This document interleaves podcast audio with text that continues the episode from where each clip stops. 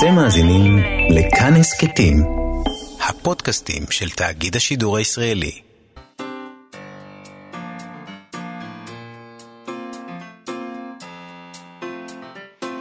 מה שכרוך עם יובל אביבי ומה יעשה לה. שלום, צהריים טובים, אנחנו מה שכרוך, מגזין הספרות היומי שלכם בכאן תרבות. אפשר לשמוע אותנו ב-104.9 או ב-105.3 FM, או באתר, או באפליקציה. אה, היכנסו לחנויות האפליקציות והורידו אותה. יישומון, יישומון. קוראים לזה יישומון, אנחנו מאוד שמחים שהצטרפתם אלינו היום.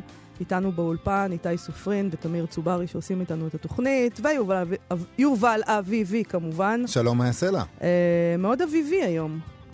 קיץ. נכון. אבל לא אביבי בכלל. אז uh, אנחנו מצפים לחורף בכיליון עיניים. כן, uh, מגיע הזמן, בחיי. אני חושבת שאני מדברת בשם... Uh, כולם. בשם, התכוונתי להגיד בשם שנינו כשאני אומרת את זה, אבל uh, אתה פשוט uh, חושב לי... שאתה כולם. כן, אין לי דרך uh, לצמצם את העניין הזה okay. של אוקיי, האגו. אז בואו נעבור הלאה. הלאה, uh, הלאה. בואו ננסה לא לדבר עליך. פעמית. רציתי לדבר על קלמנטינות וזה, אבל לא משנה, יובל. היום אנחנו נדבר על כמה ספרים חדשים שחלקם עוד לא הגיעו בכלל לארץ ולא תורגמו לעברית, אבל האיש שלנו uh, בסצנה הבינלאומית, אלעד ברנוי, uh, אשר חי בלונדון על פי רוב, uh, כבר שם עליהם ידיים. הוא קורא, הוא קורא מהר יותר מאיתנו את הכל, uh, והוא בארץ עכשיו, אז הוא יהיה איתנו באולפן ממש. זה חגיגי. Uh, בפינה חדשה שאפשר לקרוא לה אלעד אינטרנשיונל. זה שם מצוין. נכון? אלעד אינטרנשיונל. עכשיו חשבת עליו או שכאילו תכננת את זה?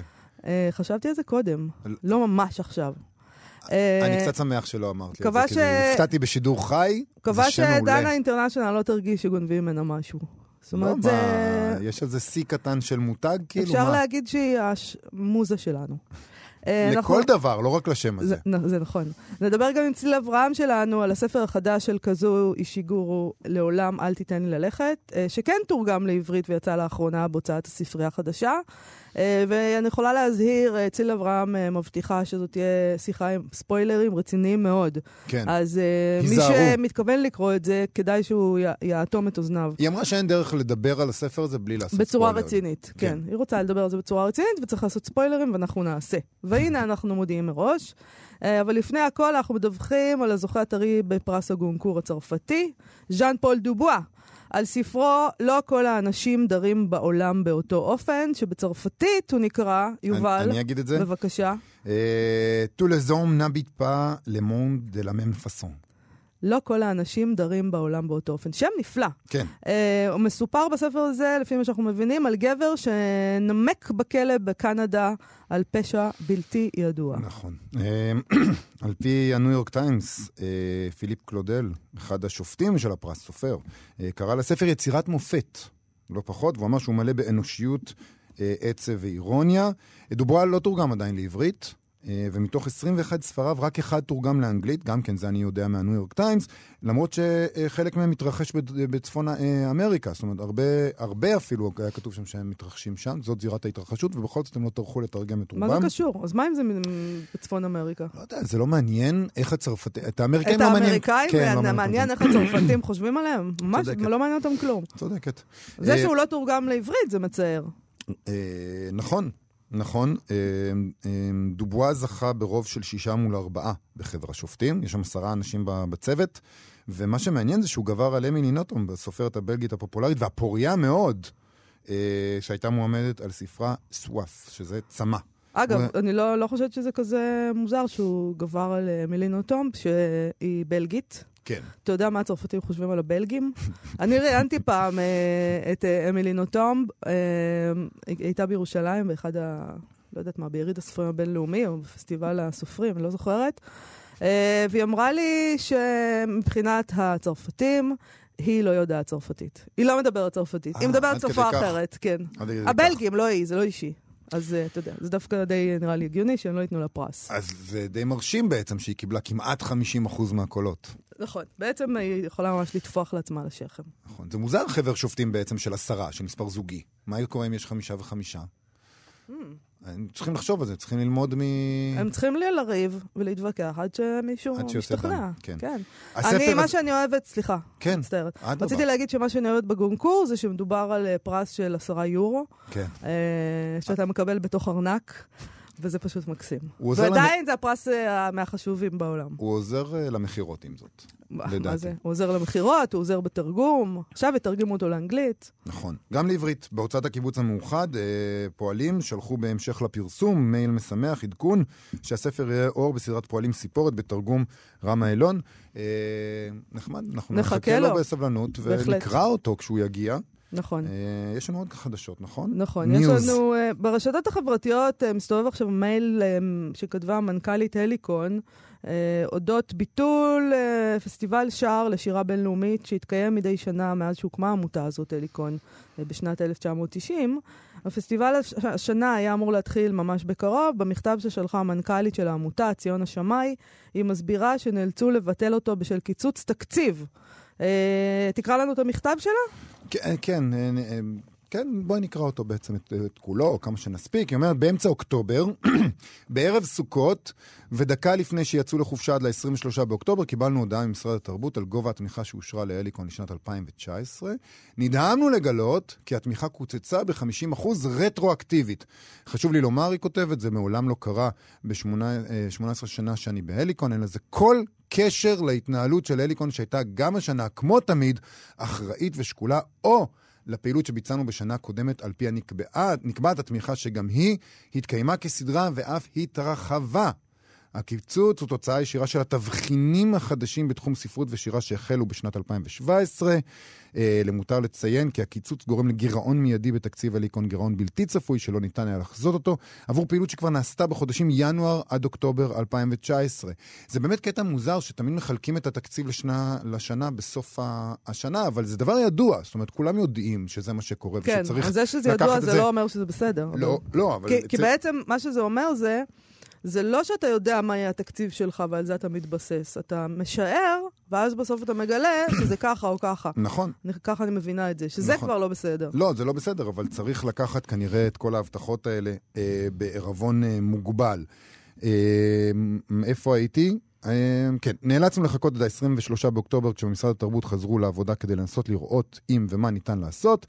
אה, הם התייעצו והגיעו בלב כבד בצער למסקנה שאין פתרון אה, מיידי ו- וכולי וכולי, מחפשים פתרונות. אה, הם, היא אומרת גם שגם אני וגם עובדים אחרים בהליקון לא משכנו משכורת אה, כבר מספר חודשים.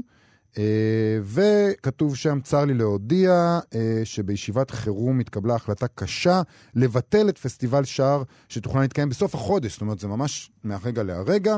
אה, היא כותבת, פסטיבל שער תוקצב בעבר מתקנת פסטיבל, טוב, זה לא, יש שם איזה סיפור עם התקציבים, עניין בוטל. בירוקרטי, כן. אה, בוטל. בוטל. אז אה, אה, בואי נגיד שהתבחינים שציונה שמה היא מזכירה, זה שורה של פרמטרים שנכנסו לתוקף בשנת 2017, שלפיהם במשרד התרבות בוחנים החל משנה זו את התקציבים שהם מעביר- מעבירים לגופים השונים. אה, מספר האירועים שהגוף קיים, אה, גודל הקהל שהגיע, מיקום האירוע, יש כל מיני כן, אם זה פרמטרים. פריפריה או במרכז, זה, זה כל מיני דברים כאלה. נכון. כן, חשוב אה, להם. זה חשוב להם. אז הם משקללים את הנתונים האלה, משווים לביצועים של שאר הגופים המתוקצבים, משהו באמת מאוד זה, ואז זה מאוד מסובך, נשמע לי לפחות. מכריעים ככה לגבי שינוי התקציב לשנה הבאה. בעצם כל, כל שנת פעילות שלך קובעת את השנה הבאה, מה יהיה. לא רק שנת הפעילות שלך, אלא שנת הפעילות של כל הגופים המתקצבים האחרים. כול, זאת אומרת, כל שנה לוקחים את כל התקציבים שחולקו ומסתכלים האם, הם היו, האם זה ישתלם או לא. עכשיו, מה היה עד, להכ... עד הדבר הזה? עד התבחינים האלה הייתה ועדה אומנותית שתקצבה את הגופים לפי התוכנית שלהם לשנה הקרובה, ועכשיו הם גם בעצם בוחנים אה, ביצועים בפועל. נכון. עכשיו, אה, אנחנו פנינו למשרד התרבות, בבקשה לקבל תגובה לעניין הזה, ובניגוד למה שהיא כותבת, היא אומרת, היא אומרת, זה, אין שום קשר לפעילות שביצענו בשנה קודמת. ובכן, משרד התרבות והספורט נמסר, כספי התמיכה שמעניק המשרד בתחום אה, אירועי הספרות מחולקים באופן שוויוני לפי מבחני התמיכה בתקנה זו. סכום התמיכה שנקבע לעמותת הליקון לשנת 2019 מתבסס על נתוני הביצוע של הגוף בשנת ההערכה. בהשוואה למוסדות הנתמכים האחרים. וזאת לפי הפרמטרים השונים הקבועים במבחן התמיכה. זאת אומרת, יש להם... יש הם- קשר הדוק למה שהיה בשנה הקודמת. זה לפי תראה, משרד התרבות זה והספורט. פשוט מאוד, אנחנו צריכים להחליט מה אנחנו רוצים. אני, אני לא, לא אומרת שאני מאוד מחבבת בירוקרטיה, כן? אבל אנחנו צריכים להחליט האם אנחנו רוצים מין עולם כזה שבו יושבת ועדה אומנותית ומחלקת כסף, ואז אנחנו יודעים איך זה נראה. זה תמיד... אה, אנחנו לא מרוצים מזה, לא, בדרך כלל. כי אנחנו אומרים למה הוא קיבל, כן, ההוא נתן לחבר שלו, וזה. או שזה לא עובד ככה. ואם זה לא עובד ככה, צריך לעמוד בתבחינים. אה, ואפשר כמובן אה, לבעוט, כי קל בלהגיד משרד התרבון, אה, מירי רגב, אבל אולי זה לא זה לא, הפעם. אני גם לא הרבה יודעת. שנים יש איזה מין דרישה כזאת לעשות דברים כמו שצריך, כן? לקבוע איזה סט של קריטריונים שלפיו אה, פועלים, וזהו זה, זה מחייב.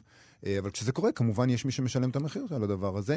מצד שני, אני חייב להגיד לך שאני תמיד מרגיש שגם כאשר יש קריטריונים אדוקים, המערכת תמיד יודעת איך, כאילו, זו התחושה שלי, זה לא איזה... מה- המערכת יודעת איך לתת למי שרוצים. זאת אומרת, יש... כאילו, לא. אם היו ממש דחוף למישהו, בש- אז היו מוצאים איזה יש... תקציב לא אה, צבוע ב- וכולי. במצב הזה שבו יש אה, יועצים משפטיים, וזה כן, לא זה ועדה. אומנותית, אז זה, צריך, זה הולך לפי איך שזה, לפי הסדר. בסדר, אם אתה רוצה להגיד שיש אה, שחיתות בכל מקום, אפשר אה, להוציא- להוציא. מהבלטות. לא רמזתי אה, חלילה שיש שחיתות במשרד התרבות והספורט. אבל, אבל פה זה נשמע לי שהם לא עומדים לא, בקריטריונים. החדשים, כי הם רגילים לזה שיש ועדה אומנותית, שפשוט נותנת... שמחלקת כסף. זה, זה אחד הדברים המדהימים בעצם. מה שעולה מהמכתב הזה, זה שבמשך 18 שנה, פשוט נתנו להם כל, כל שנה לא, בלי אבל, זה. אבל אני חייבת להגיד שיש זה עוד... גם מדהים. נכון, אבל יש עוד דבר אחד שחייבים, שהוא, שהוא בעייתי פה. כשאנחנו מדברים על, על, על פסטיבל שירה, כן. אה, פסטיבל שירה מטבעו, וכל הפסטיבלי סופרים, אין לזה הרבה קהל. זאת אומרת, אם הקריטריון של משרד התרבות הוא קהל, האם בא קהל, זה לא, קריטר, לא קריטריון טוב. אנחנו לא בפסטיבל זה לא זמר זה. פה, זה אנחנו לא לא- שלמה ארצי, אין הרבה קהל. נכון, אבל אנחנו לא יודעים את כל, התבח... את כל לא, התבחינים אבל זה האלה. אחד זה אחד מהתבחינים מהתבחינים. המאוד מאוד חשובים. כלומר, אבל גם- העניין הזה של קהל. וקהל, לשירה אין, מה לעשות? נכון, אבל גם יש את מי שמגיע, מי מרצה, נשים מול גברים, יש להם אין ספור אה, קריטריונים שהם עושים שם אקסל ארוך כזה, שאנחנו לא מודעים תאר לך לכולו. איך אבל אה, פסטיבל, אה, איך, איך פסטיבל יכול לעמוד בדבר כזה. כלומר, כשאתה מזמין אנשים לדבר אה, ב, ב, בפסטיבל שירה, ונגיד יש לך איזה רעיונות ואתה רוצה זה, אז אתה צריך עכשיו להתחיל לשבת עם אקסל. ולבחון את הדבר הזה, כמה נשים וכמה גברים, וכמה ערבים, וכמה יהודים, וכמה אתיופים, כמה מרוקאים? כמה טוניסאים, כמה אלג'יראים, כמה קהל יהיה. זה קצת מסובך הדבר הזה. אני רוצה לשאול אותך, אה, מאיה, בהקשר הזה. האם השיח של פוליטיקת הזהויות זה משהו שחורה לך? זה משהו ש... זה משהו ש... אה, זה חורה לי שאנחנו אה, אה, מדברים בצורה תיאורטית על דברים שהם מאוד קשים, וקצת צוחקים על דבר לא. שהוא קשה. תשמעי, כי, כי משרד תרבות צריך להבין גם את העניין הזה שאין קהל לד- לדבר הזה. אם אתה נכון. מחלק לפי קהל ולפי מה שפופולרי, אז אתה פוליטיקאי, אבל אתה לא מבין את המטריה הזאת. זה נכון, וגם צריך להגיד שמי יתמוך בעמותה כמו אליקון, שהיא כל העיסוק שלה הוא בשירה, כן? זה כל מה שהיא עושה, וזה תחום מאוד מאוד מצומצם. מי יתמוך בזה אם לא הגופים הציבוריים? אף אחד לא יתמוך בזה עם משרד... אז אולי גם זה צריך לקריטריון. האם... אה, להפך, אף אחד לא תומך באף אחד, אבל. האם- מה זה מי יתמוך? לא, אין אף אחד לא תומך באף אחד, זה תמיד גופים ציבוריים. לא, יש גם תורמים ומפעל פרטיים. הפיס. יש גם תורמים תורמים פרטיים. פרטיים, אבל אולי- שתורמים לאוניברסיטה, תורמים. לבית חולים, לא תורמים לכאלה דברים. אולי אם יש מעט מאוד קהל, זה סימן למשרד התרבות לתת יותר כסף. או, יפה, עכשיו אתה מדבר. זה כי הם רעיון. אומרים, כי אומרים, כל כך מעט אנשים באים לשם. אייל אבל- גולן לא זקוק לתמיכה בדיוק, שלכם, יש אבל אנחנו בקהל. חייבים שתהיה שירה, ואנחנו חייבים שיהיו אה, פסטיבלי סליחה, שירה. מי אמר שאנחנו חייבים? חייבים. מי? אמר. אתה? אה, אה, אולי הם לא חושבים שאנחנו חייבים. אה, במשרד התרבות אולי לא אוקיי, חושבים. בסדר. אני חושב שצריך שירה. בסדר. זו התפיסה שלי. יפה מאוד. אני שמחה שיש לך תפיסה. יש לי- תפיסת עולם מגובשת. יש לי עמדת נחרצת לגבי בוא העניין הזה, נשמע רגע כן. את רופוס ונראה מה קורה. נדבר אחר כך עם צליל אברהם. יאללה.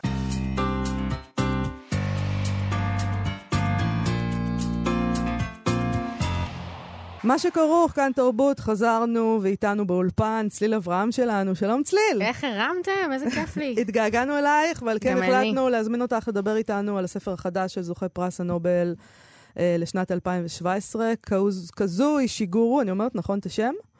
אה, לעולם, כמה שאני יודעת. לעולם אה, אל תעזוב, אותי, אל אל תיתן לי ללכת. אה, ואנחנו צריכים להזהיר אה, את המאזינים. אה, תכף, תכף נ- אוקיי, נזהיר אז אותם. בבקשה. אז לעולם אל תיתן לי ללכת הוא ספר של אישיגורו שהוא לא חדש, הוא אה, יצא ב-2005 באנגלית. מאז אישיגורו זכה בפרס נובל לספרות ב-2017, האחרון שהיה לפני הכפול. כן. ועכשיו הספר הזה, שהוא מהספרים החשובים שלו, יצא לאור אצלנו, והאמת שזה דווקא מעניין, כי הפער הזמן בין, בין 2005 לעכשיו, הוא חשוב לדעתי אה, בשביל הבחינה של הספר הזה. אז הספר הוא מין ספר של אה, היסטוריה אלטרנטיבית, והוא נפתח בתיאור מאוד יפה ומאוד אה, פנטסטי ומאוד אפוף אימה כזה. אנחנו בעצם מכירים את הגיבורים של הספר, שהם נערות ונערים, שחיים באיזושהי פנימייה, מקום מאוד יפה ופסטורלי. מלמדים אותם אומנות, הם עוסקים במוזיקה, יש להם מורים, משגיחים כאלה, שהם אנשים מאוד טובים, שמלווים אותם כל הזמן, אבל לא ברור למה הם שם, ומי ההורים שלהם, ומשהו מוזר באווירה הזאת. אמ, אני אקריא קטע מהספר. אוקיי. אמ, עוד אין ספוילר בקטע הזה. לא, לא, נגיע אחר כך לספוילר. אינני יודעת איך זה היה במקום שלכם, אבל בהל שם, החמ- הל שם זה הפנימיה. בהל שם החמירו המשגיחים מאוד בנוגע לעישון. אני בטוחה שהם היו מעדיפים שלא נגלה שהעישון בכלל קיים. אבל מאחר שזה לא היה אפשרי, הם דאגו לתת לנו מין הרצאה בכל פעם שצצה איזו התייחסות לסיגריות. אפילו כשהראו לנו תמונה של סופר מפורסם או של מנהיג עולמי, ובמקרה הייתה להם סיגריה בידם, היה השיעור נעצר בחריקה. אפילו נפוצה שמועה שכמה ספרים קלאסיים, כמו ספרי שרלוק הולמס, נעדרו מהספרייה משום שהגיבורים שלהם הרבו לעשן. וכשנתקלת בספר או בכתב עת מצויר שנתלש ממנו עמוד, זה קרה משום שהייתה בו תמונה של מישהו מעשן.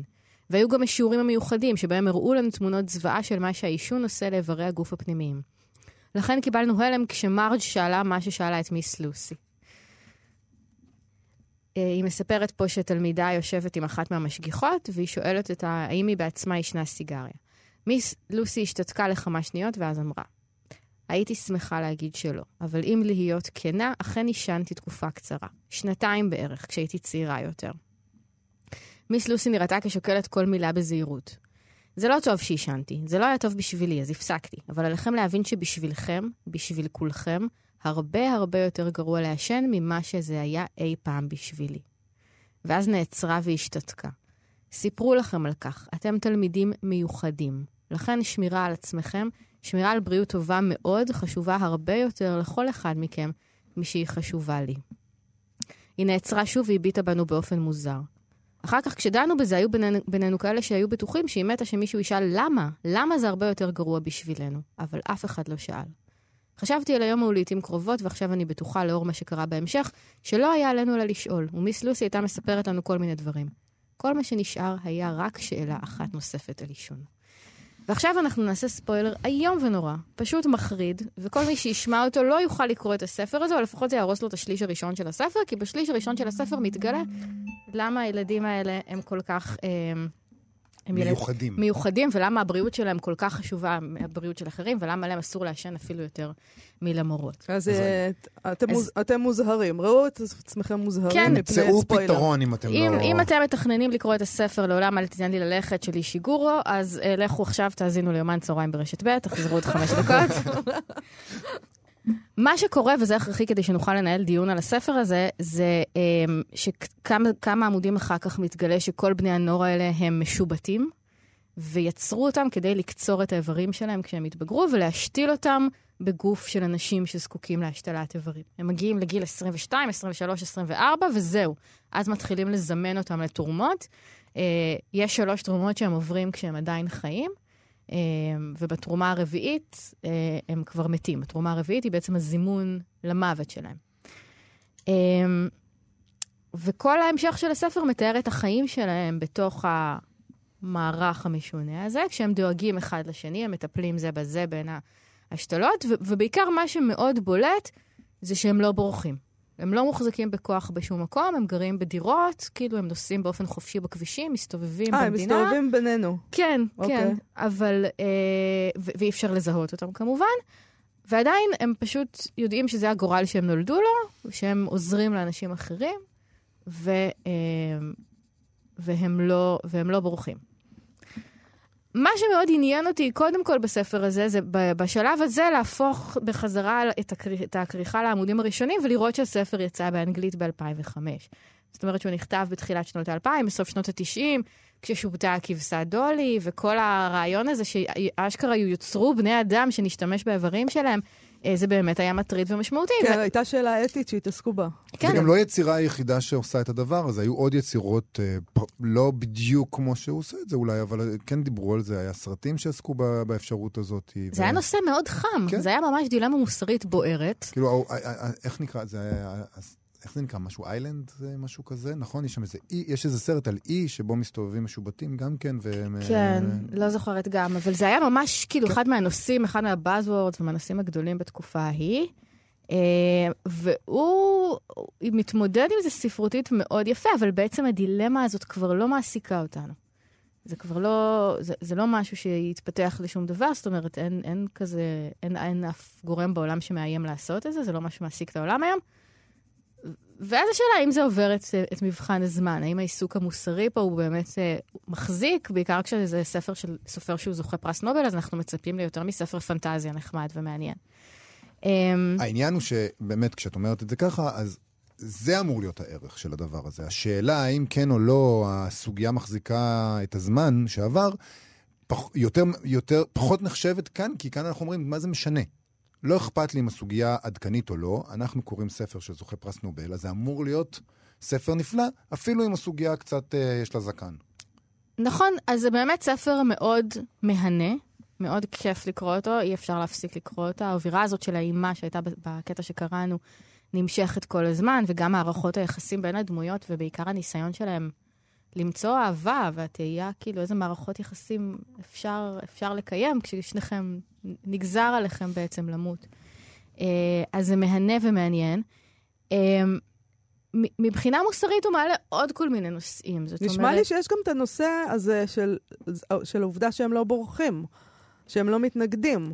כלומר, שזה נושא מאוד חשוב. מעבר לעניין של השיבוט, אנשים שנמצאים באיזה משהו והם הם מקבלים עליהם את החוק הזה. נכון, והשאלה שעולה, אגב, גם בכריכה האחורית של הספר, מנחם פרי מעלה אותה, זה האם אלה לא כולנו, שפשוט נולדים לאיזשהו סדר קיים והולכים אל הגורל שלנו כצאן. לטבע. נכון. שזה גם, הדיבור על זה, על רשת כזאת אה, חברתית, שבה כולנו סוכנים של הכוח ותקועים בתוך הדבר הזה מלידה, זה גם לא הרעיון הכי המאה ה-21 שיש. כן, זה הרגיש לי גם קצת חינוכי. כן. כן. בגלל זה אני חושבת שהיה פער בין כמה שנהניתי מהספר, שהיה נורא כיף לקרוא אותו, לבין זה שלא לא הרגשתי שמבחינת איזו אמירה מוסרית או, או אידיאולוגית או ערכית נשאר, נשאר איתי המון. מה שכן מתואר שם באופן יפהפה ממש, זה היכולת של כל האנשים האלה לשמור את הדבר הזה בסוד. כי מה שקורה שם בעצם זה שהילדים האלה נולדו לקצירת איברים, אבל אה, לא רוצים סתם לשים אותם באיזה מחסן ילדים שפשוט יעבירו שם את הזמן שלהם, אלא רוצים כן לתת לחיים שלהם ערך, ולכן בכל זאת נותנים להם חינוך טוב, אה, ונותנים להם לעסוק באומנות ולפתח את הכישרונות שלהם, למרות שלכאורה אין בזה שום טעם. זה כמו אה, הפרות היפניות האלה, שמטפחים, עושים להם מסאז'ים בבירה וכולי וכולי. זה לא כדי ש- שהבשר יטעים. נכון, זה ילד שגדל והוא שומע אה, פילוסופיה ולומד מוזיקה ולא כן, אז מעשן. הכליות שלו יהיו אז יותר... אה, אה, הלב שלו יותר טוב, כי הוא לא, אין לו לחץ. וואו. אני מניח שילד שחי אה, במחסן ילדים, אה, הלב שלו יעבוד פחות טוב, כי הוא בלחץ והוא חרד, והחיים שלו לא טובים. אז אה, פשוט, אה, איך קוראים לסטייק היפני הזה? קובה? נכון? יש דבר כזה? מעשים אותם בבירה את הילדים האלה בגדול. טוב, זה גם חושב- מעלה שאלות על תעשיית הבשר נכון, בעצם. כמובן. זה כן רלוונטי מאוד לתקופתנו. אני חושב שעוד סוגיה אחת שחייבים להעלות את זה, זה העובדה המצערת, שאנחנו כישראלים נחשפים לדברים האלה uh, באיחור של uh, כמעט 15 שנה. כן, בעצם מה שקרה זה שהוא זכה בנובל, ואז כנראה בדיוק. החליטו שיש עניין להוציא את זה. בדיוק. עכשיו, העולם אולי נחשף ליצירה הזאתי, כשכל השאלות האלה עדיין היו קצת יותר פועמות וקצת יותר עדכניות, ויכול להיות שהוא לא היה היחיד שמתעסק בזה, אבל ביחד עם העובדה שזה היה לפני 15 שנה, והכתיבה המהנה הזאת שאת מדברת עליה, והסוגיות האלה שעולות, היה הרבה יותר טוב לקרוא את זה לפני 15 שנה. ואנחנו, בתוך המקום הזה, אה, נאלצים אתה מוזמן אה, לקרוא באנגלית מה שאתה רוצה, הכל פתוח, המד- המדפים פנויים, אתה יכול לקנות את הספרים ולקרוא אותם. אני, או זה נכון, להזמין את אלעד מה ושתעשה לך שנעשה. פינה. ש- זה מה שנעשה. כן. למרות שגם אנחנו- לסוכנים הספרותיים, מי שמחליט מה לתרגם, אז הוא גם מושפע מדברים כאלה, כשיש פרס חשוב וספר נהיה חשוב ודאי. פתאום, אז זה- זה הגיוני להחליט עכשיו כן לתרגם אותו. ודאי. אני אה, מניחה שהספר הקודם שהם הוציאו של אה, שיגורו, שזה שארית היום, אם אני לא טועה, כן, זה הספר שלו שזכה בבוקר. אה, אני מניחה שזה לא היה רב-מכר מטורף בארץ, אה, ולכן אה, הספרייה החדשה, הספר הזה יצא בספרייה החדשה, אני חושב, זה לקח להם כל כך הרבה זמן. אני חושב יש שכשהוא... אה, כשהוא- איזה עניין, הם נכון. לא פילנטרופים, הם נכון. צריכים שיהיו להם אני קוראים חושב כדי שאפילו להוציא ספרים. דיברנו על זה ב... כשהוא זכה בנובל, שתורגמו מעט מספריו לעברית, והפסיקו עם זה, כי הוא לא מכר, למרות שהוא סופר אה, גדול ונחשב. אז אולי עכשיו זה ישתנה, זה שוב, זה ספר נהדר, כן? זה הביקורת שלי, באמת, היא, היא קצת קנטרנית, מאוד נהניתי לקרוא אותו, הוא מאוד יפה. אמ, ואני אני בטוחה שהם לא יתעשרו גם ממנו. אמ, אבל אם זה עוד הזדמנות לקוראים ישראלים להכיר אותו, נראה לי שזו הזדמנות שווה. אז uh, לעולם אל תיתן לי ללכת, כזו היא שיגורו, הספרייה החדשה, והקיבוץ המאוחד, תרגום מאוד יפה של אלינור ברגר. תודה רבה לך, צילה תודה. אברהם. תודה, תשובי צליל. בקרוב. שוב בקרוב. להתראות.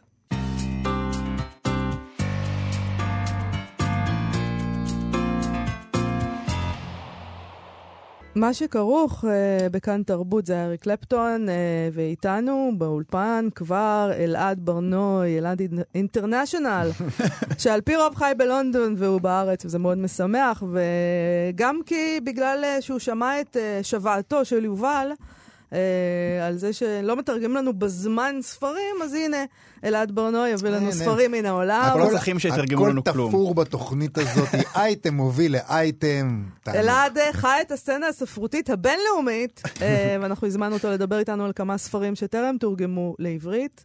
אה, אבל בעולם, בוא נהיה קצת מעודכנים, בוא לא כן. נהיה כאלה קרטנים. נכון. שלום, אה, אה, אלעד ברנוי. שלום, שלום. ויובל אביבי. מצחיק אותי ש, שאני מתואר בתור חי בסצנה, כש, כש, לחיות בסצנה הבינלאומית זה, זה לבקר בחנות ספרים, אבל, נכון. אבל כן, אני, אני אקח את זה, אין בעיה. ברור. תרים, תרים. אוקיי, על איזה ספרים, על מה אנחנו... בוא נתחיל בהתחלה, ספר מספר אחד שנדבר עליו. טוב, אז uh, הספר הראשון uh, הוא של אליזבת סטראוט, הוא נקרא Olive Again. הוא המשך של אוליב קיטרידג', שגם תורגם לעברית, הוא יצא ב-2008 במקור, אני חושב שהוא יצא בעברית בסביבות 2010. Um, וגם הייתה סדרה. זהו, וגם הייתה סדרה. עכשיו, זה, זה ספר מעניין, כי הוא, הוא גם זכה בפוליצר, גם הייתה עליו סדרה ב-HBO עם uh, פרנסס מקדורמנט, סדרה מעולה, ועדיין איכשהו הוא לא, אני לא מרגיש שהוא זכה לאיזושהי תהודה גדולה, בעיקר לא כאן, הוא יצא באופוס, בהוצאה קטנה, אתה צודק. לא, זה לא וזה- ספר שהמון אנשים מכירים. גם הסדרה הייתה פשוט... כן, וזה מופתית. זה, זה, ספר, זה ספר באמת אדיר, אמ, ואני חושב שהדמות של אוליב קיטרידג' זה, היא באמת אחת הדמויות הכי מורכבות ויפות שנתקלתי בהן בשנים האחרונות.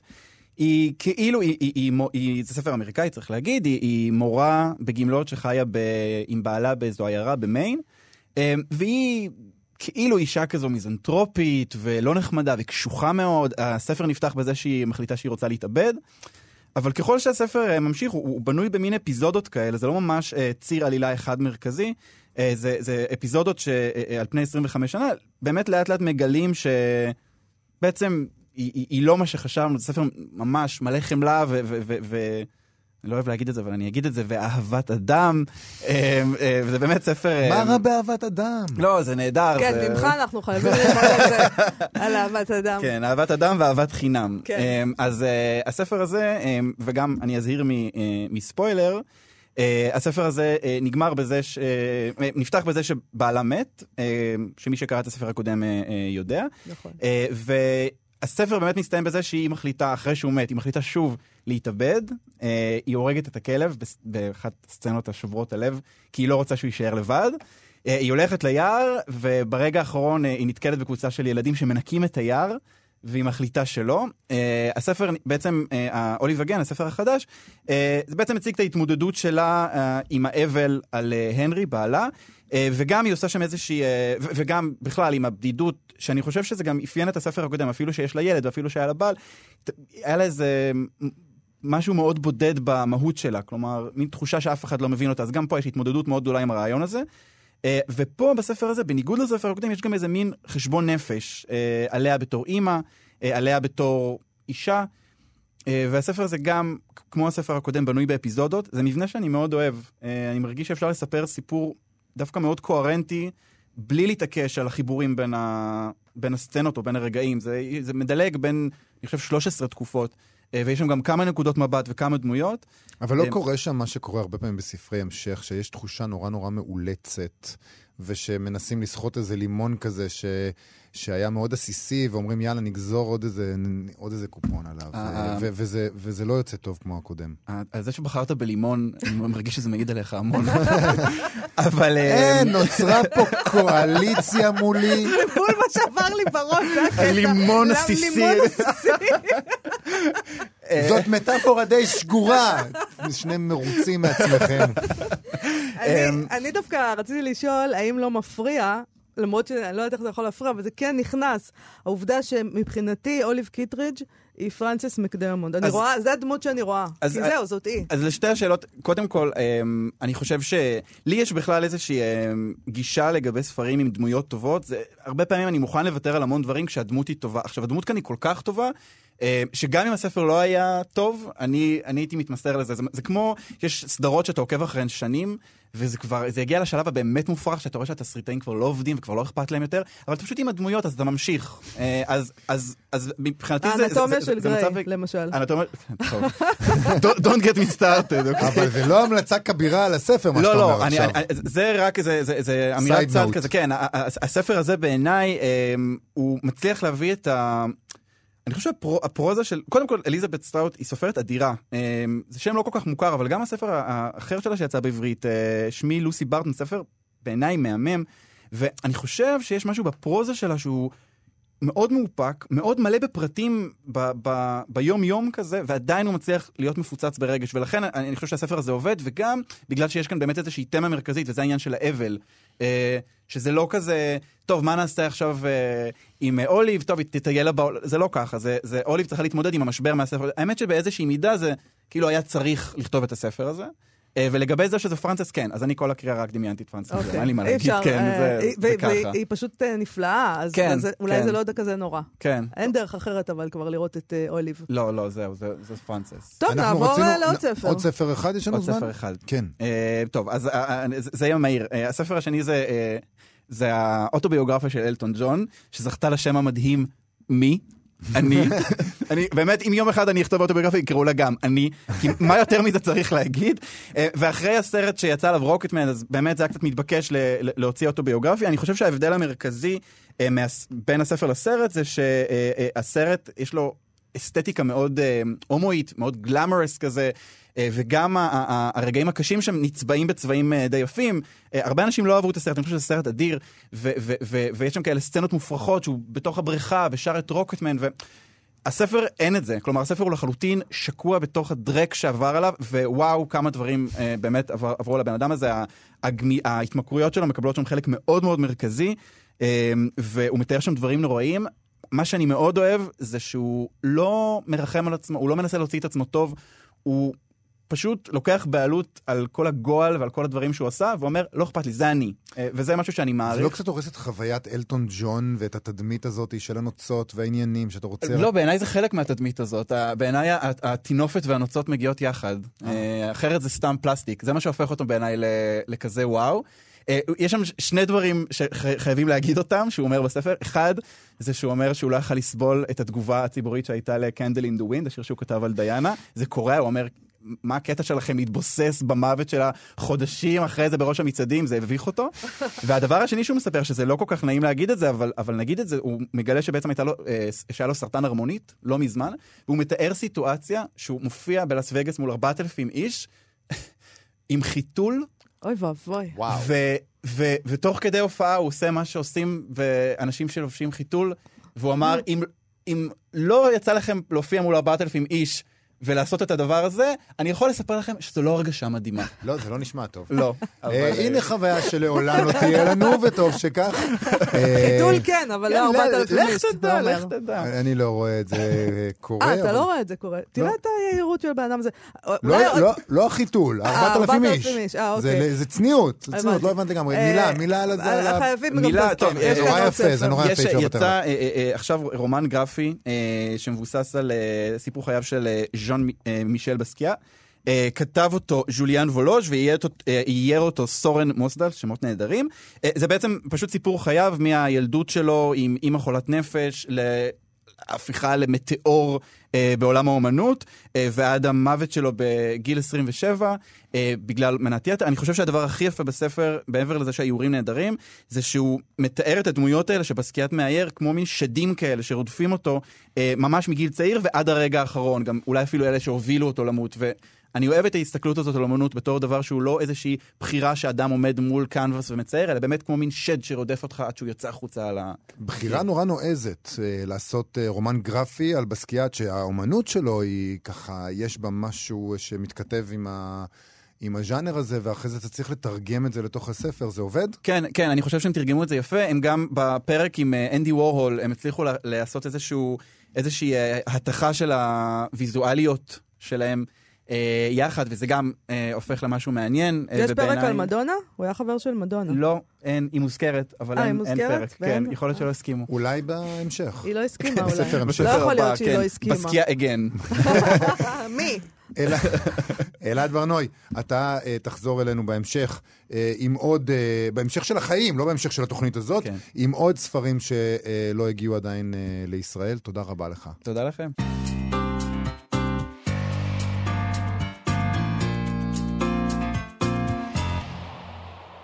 מה שכרוך, אה, כאן תרבות. אנחנו נעשה אה, פינת ביקורת הביקורת שלנו לפני שיגמר השבוע. כן, אה, יש לנו ביקורת של טינו מושקוביץ, שהתפרסמה במוסף ספרים של הארץ ביום שישי האחרון, ובה הוא כותב על ספר השירה של עמיחי שלו, מרסי סייד. Uh, הוא לא כל כך אהב את הספר הזה, והוא כותב שמדובר במבנה ארכיטקטוני גרנדיוזי ומורכב מאוד. קשה מאוד לאתר בטקסט מרכיב, מקטע טקסטואלי מגובש ושלם, מתפקד. הרושם הכללי הוא של סדרה מפוארת של קפיצות אקרובטיות מעל הפופיק, שמסתיימות ברובן עם רגליים בגובה הריסים. רגע, אני- תן לי לחשוב רגע על כן, המטאפורה אני חייב הזאת. להבין את הדבר מעל הזה. הפופיק. אני מבין מה זה קפיצה מעל הפופיק. רגע, מה זה מה זאת אומרת ברגליים בגובה הריסים? אולי הוא מתכוון שאתה נופל על הראש, ואז הרגליים מתקפלות עליך? אתה אתה שובר את- מבין בנפילות. לא? אתה שובר את המפרקת? אני לא, לא ירדתי לסוף דעתו. אוקיי. אני מניח שזה רע. אני מניח שזה לא טוב. הוא לא התכוון להחמיא. אוקיי, מושקוביץ ממשיך וכותב, אה, השורה הפותחת את הפואמה היא במובן הזה סימפטומטית ומהווה את הפתיח לשלל הבעיות שעוד יבואו בהמשך. אה, שוטף דמעות בכיורי, בכיורי רכבות, רכבות. זו שורה של עמיחי שלו. כן. אחרי שורה כזאת, הרצון להמשיך בקריאה פוחת מאוד. הוא בעורף מפעם הצורך העז להוכיח את המחבר על חוסר התמצאות בכללי האטיקט. מה, ככה ישר עם הדרמה? איפה החיזורים, הדייטים, האינטימיות? שום קורא סביר לא יחווה את הדרמה הזו באופן ראוי, כי לא ניתן לו שום רקע שעל בסיסו אפשר לפתח קרבה, רגש, ובעקבות כך הזדהות עם הסיטואציה. הפריע לו שוטף דמעות בכיורי רכבות, שזה נפתח ככה.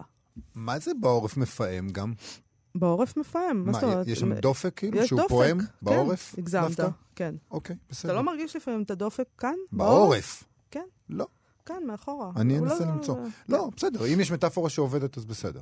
זה עובד. אה, טוב, הוא גם התח- מסתייג מהחריזה של שלו בספר, וטוען שהמוזיקה של שלו צורמנית בדרך כלל. אחד הגורמים לצרימה המוזיקלית הזו הוא החריזה. כמו בשורה הפותחת, שלו לא שם לב או מתעלם מהשיח הצלילי שמתנהל בין המילים דמעות ורכבות, למשל. זהו הדהוד צלילי שאליו מובילים המבנה המשקלי של השורה והסיומת הדומה של המילים, אבל ההדהוד הזה לא מתגבש לכדי חרוז ראוי, ומכאן הצרימה. הוא מאשים את uh, עמיחי שלו בחוסר התמצאות שמוביל תמיד לחרדה מהיעדר פואטיות מספקת. זו בעיה אופיינית בדרך כלל למשוררים מתחילים שמעמיסים על השיר כל כך הרבה שמרוב אביזרים פואטיים לא רואים את המילים. נוצרת תחושה שהמשורר משקר לנו. והשקר הזה בא לידי ביטוי גם בהצהרות פילוסופיות תלושות, שאינן מעוגנות בטקסט או בחשיבה מבוססת ומעמיקה, ולכן הן נדמות כקוריוז במקרה הטוב, קיץ' ניו אייג' במקרה הפחות טוב, ופילוסופיה נוסח פייסבוק במקרה הגרוע.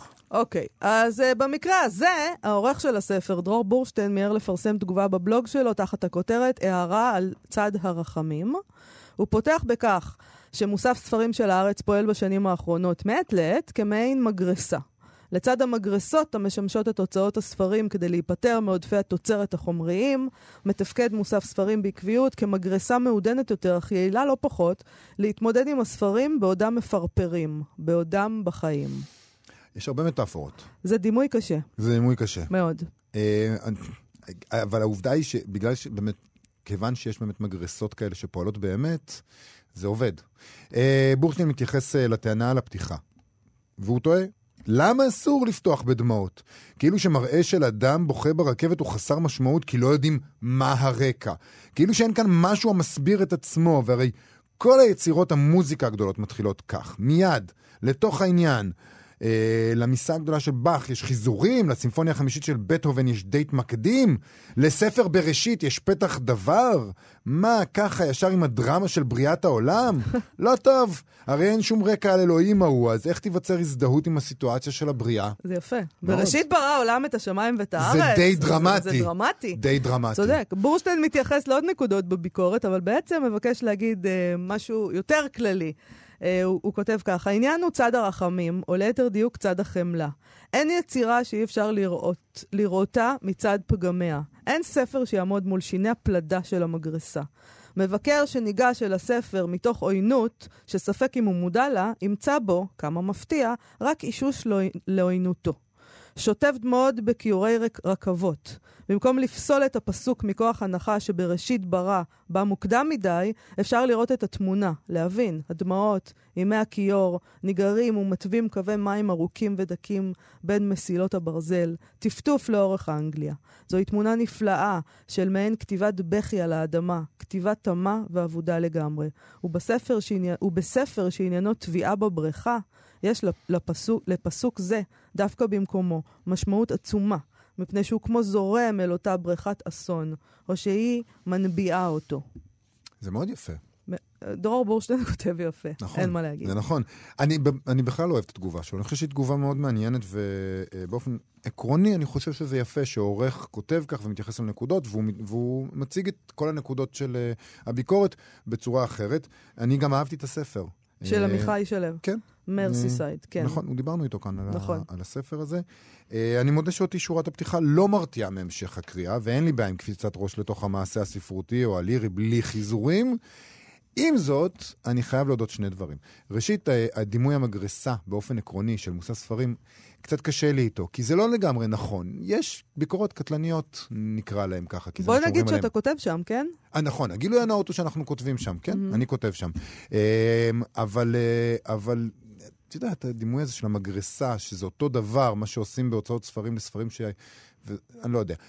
אבל בסדר, זה דבר, זה דבר uh, קטן יחסית, ואולי גם באמת קשור ל... ל... לקשרים.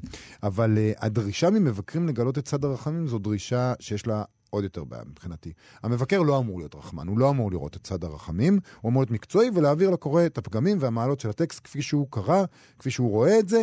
ויותר מזה, אני חושב שאף אחד לא רוצה שיקראו את היצירה שלו מבעד למסך של רחמים וחמלה. זאת אומרת, גם כמבוקר אתה לא רוצה את הדבר הזה, ונדמה לי שזה הדבר הבעייתי. אוקיי, אה, יש לנו זמן להמלצות? כן, נעשה אוקיי, כמה המלצות. כמה המלצות. אה, מה יש לנו? היום בשש בערב. היום בשש בערב יתקיים ערב השקת העונה החדשה של סדרת ספרות פלוס. הרצאות על ספרות באוניברסיטת תל אביב. את ההשקה יציינו עם אירוע שיוקדש ליצירתה ולזכרה של הסופרת רונית מטלון, שנתיים למותה. אה, באירוע השתתפו פרופסור מיכאל גלוזמן, אה, עורך הסדרה, פרופסור חנה נווה, הסופר והחוקר דרור משעני, אה, שדיברנו איתו על הדבר הזה, אה, וגם יוקרן ראיון עם מטלון. כל זה יקרה כמובן באוניברסיטת תל אביב. Uh, היום בשעה שש יתקיים גם מפגש עם הסופרת והמשוררת שווה סלהוב במסגרת סדרת המפגשים של תנועת אחותי וקואליציית ליבי במזרח. זה נקרא קריאה מזרחית, זה יקרה בבית אחותי בתל אביב, בהנחייתה של דוקטור זמירה פורן-ציון. ומחר בשבע וחצי במרכז עינב לתרבות בתל אביב יתקיים ערב מוזיקלי תמונת אישה, שבו חמש מוזיקאיות, שר ניב, רות דנון, מירב אלינגר, רוני וגנר ורותם פרימר, ישירו ונגנו משירי תרצה אתר, אה, עם אורח, ערן צור, האהוב. ומחר בשבע בערב בחנות סיפור פשוט בתל אביב תהיה שיחה. עם הסופר האיסלנדי שון, או שיון, אני לא יודע איך מבטאים לגמרי את השם שלו, הוא מחבר הספר צילו של בלדור, שיצא לאור בהוצאת לוקוס, הוא ישוחח עמו להוצאה שיר החפר, והיא מתרגם הספר. ותהיה קריאה מתוך הספר בשתי שפות, איסלנדית ועברית, וזה נשמע ועוד נפלא. אירוע מחר בשמונה בבית ביאליק בתל אביב, יתקיים לכבוד הספר רשימות תל אביביות של אברהם בלבן. הוא ישתתף, ויהיו שם דני קרוון, בני ציפר ושולה וידריך. וכאן אנחנו מסיימים להיום נכון. ולשבוע. אה, נגיד תודה לתמיר צוברי ולאיתי סופרין שעשו איתנו את התוכנית. אנחנו נהיה פה שוב ביום ראשון. להתראות. להתראות.